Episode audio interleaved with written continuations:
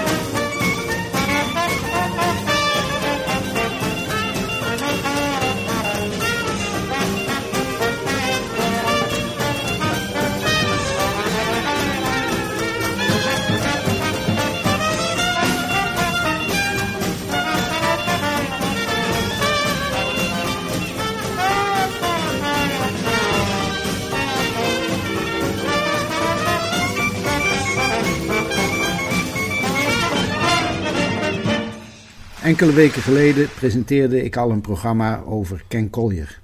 Ik belichtte toen het eerste deel van zijn carrière, hoe hij na 1945 speelde met de Crane River Jazz Band, waarvan onder andere ook Chris Barber en Monty Sunshine deel uitmaakten. De geweldige successen van deze band in de naoorlogse jaren, de Christie Brothers Stompers, en toen zijn vertrek naar de Verenigde Staten om daar in New Orleans de oorspronkelijke jazz te leren kennen. Nu Highway Blues door Ken Collier's Jazzman.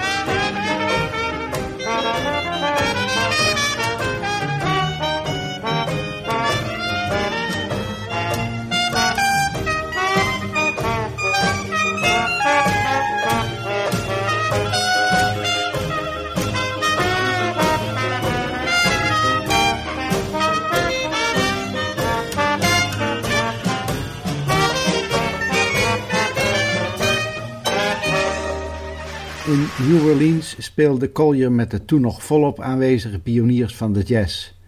Zijn ervaringen in Engeland waren natuurlijk een goede binnenkomer. Hij werd gewaardeerd en George Lewis vroeg hem om in zijn band te spelen. Die geweldige kans verprutste hij. Hij kwam in de gevangenis en werd het land uitgezet. We gaan weer naar hem luisteren. Een opname met George Lewis op klarinet, Willy de Weeper.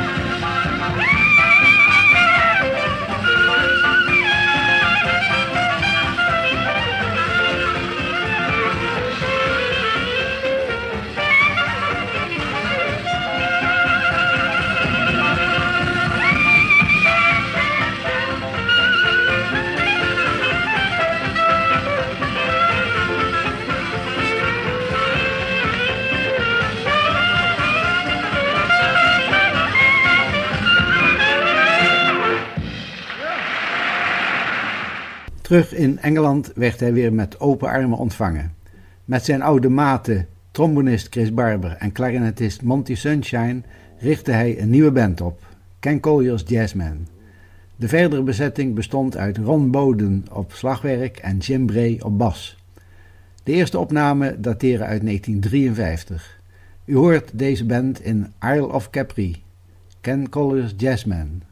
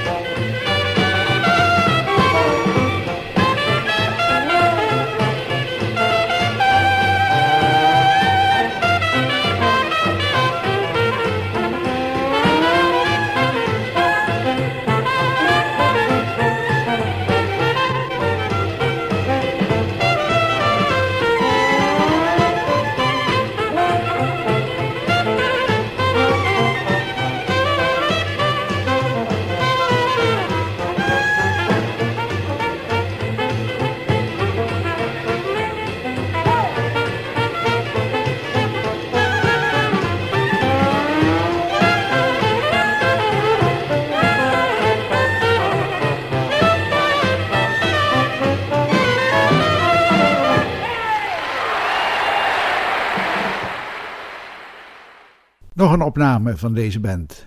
Too Busy.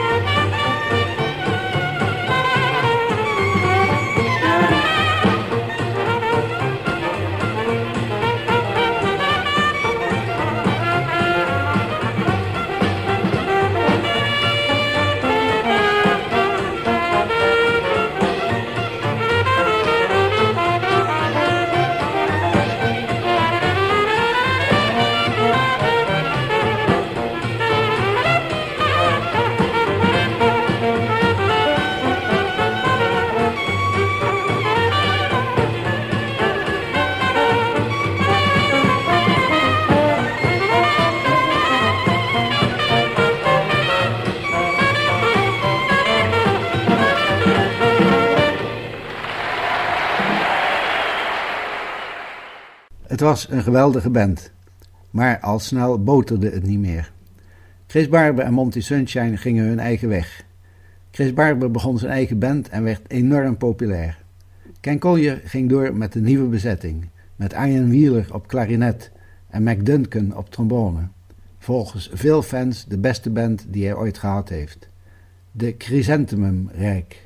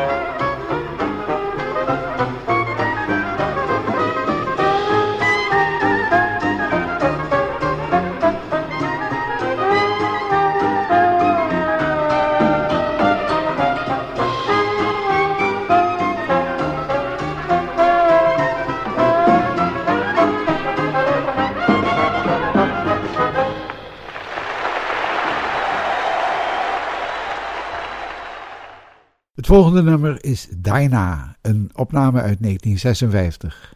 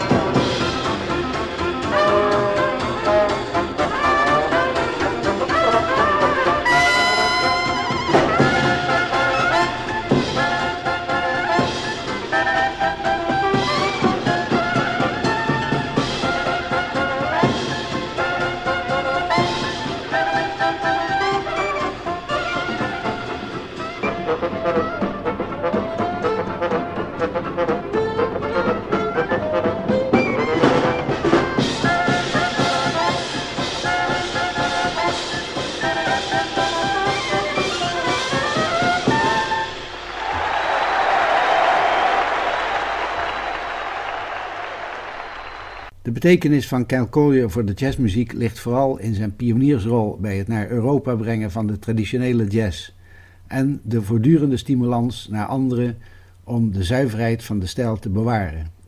Zo is hij voor veel kenners een voorbeeld gebleven. De bekende klarinetist Sammy Remington maakte van 1960 tot 1965 deel uit van Ken Collier's Jazzman. Ik laat daar een opname van horen. Thous.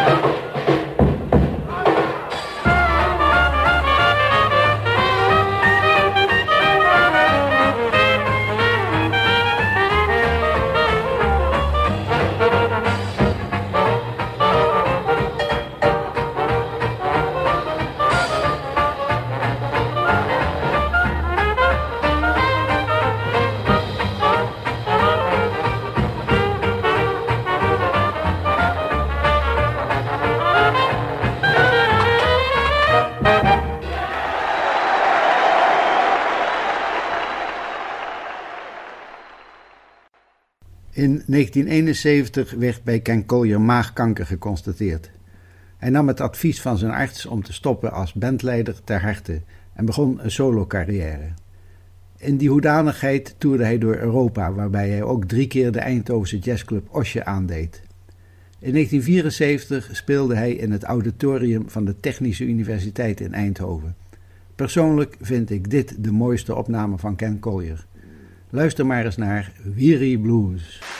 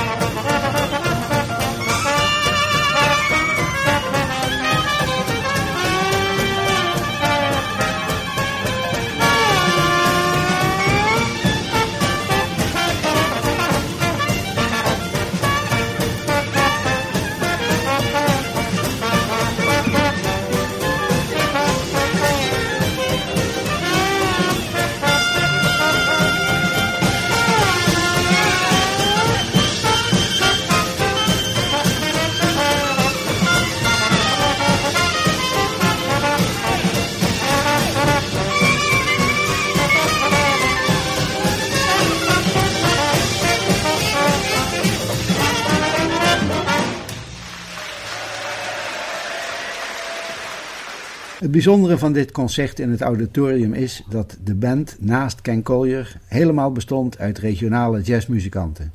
We horen Cor Fabri op trombone, Tom Bade op klarinet, Eddie Lokerse aan de piano, Gijs van Helden bas, Rob de Rauw banjo en Hein Trimbos op slagwerk. Misschien kent u deze muzikanten wel persoonlijk, of hebt u ze gekend, of misschien luistert een van deze mensen zelf naar deze uitzending. Darkness on the Delta.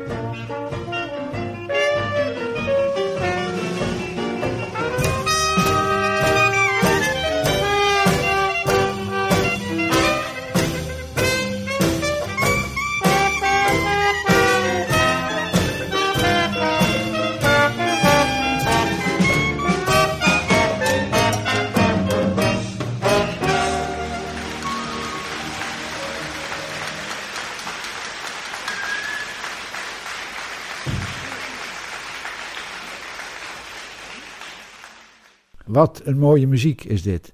En wat een geweldige muzikanten. En allemaal hier, behalve Ken Collier, uit de regio Eindhoven. Je hoort het, het hoeft niet per se van ver te komen. In het volgende nummer speelt Tom Bade de beroemde klarinetsolo in High Society.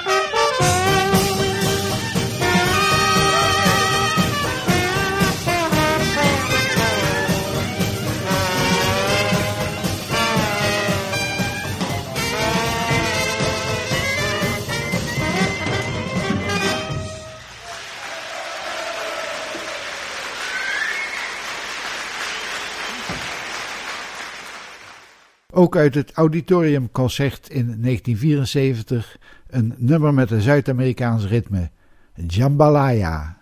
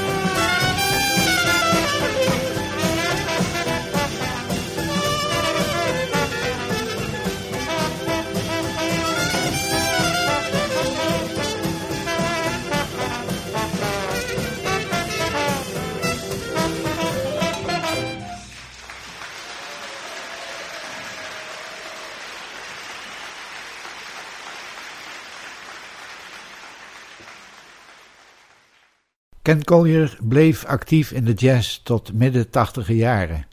Toen verhuisde hij naar Frankrijk, waar hij in 1988 overleed.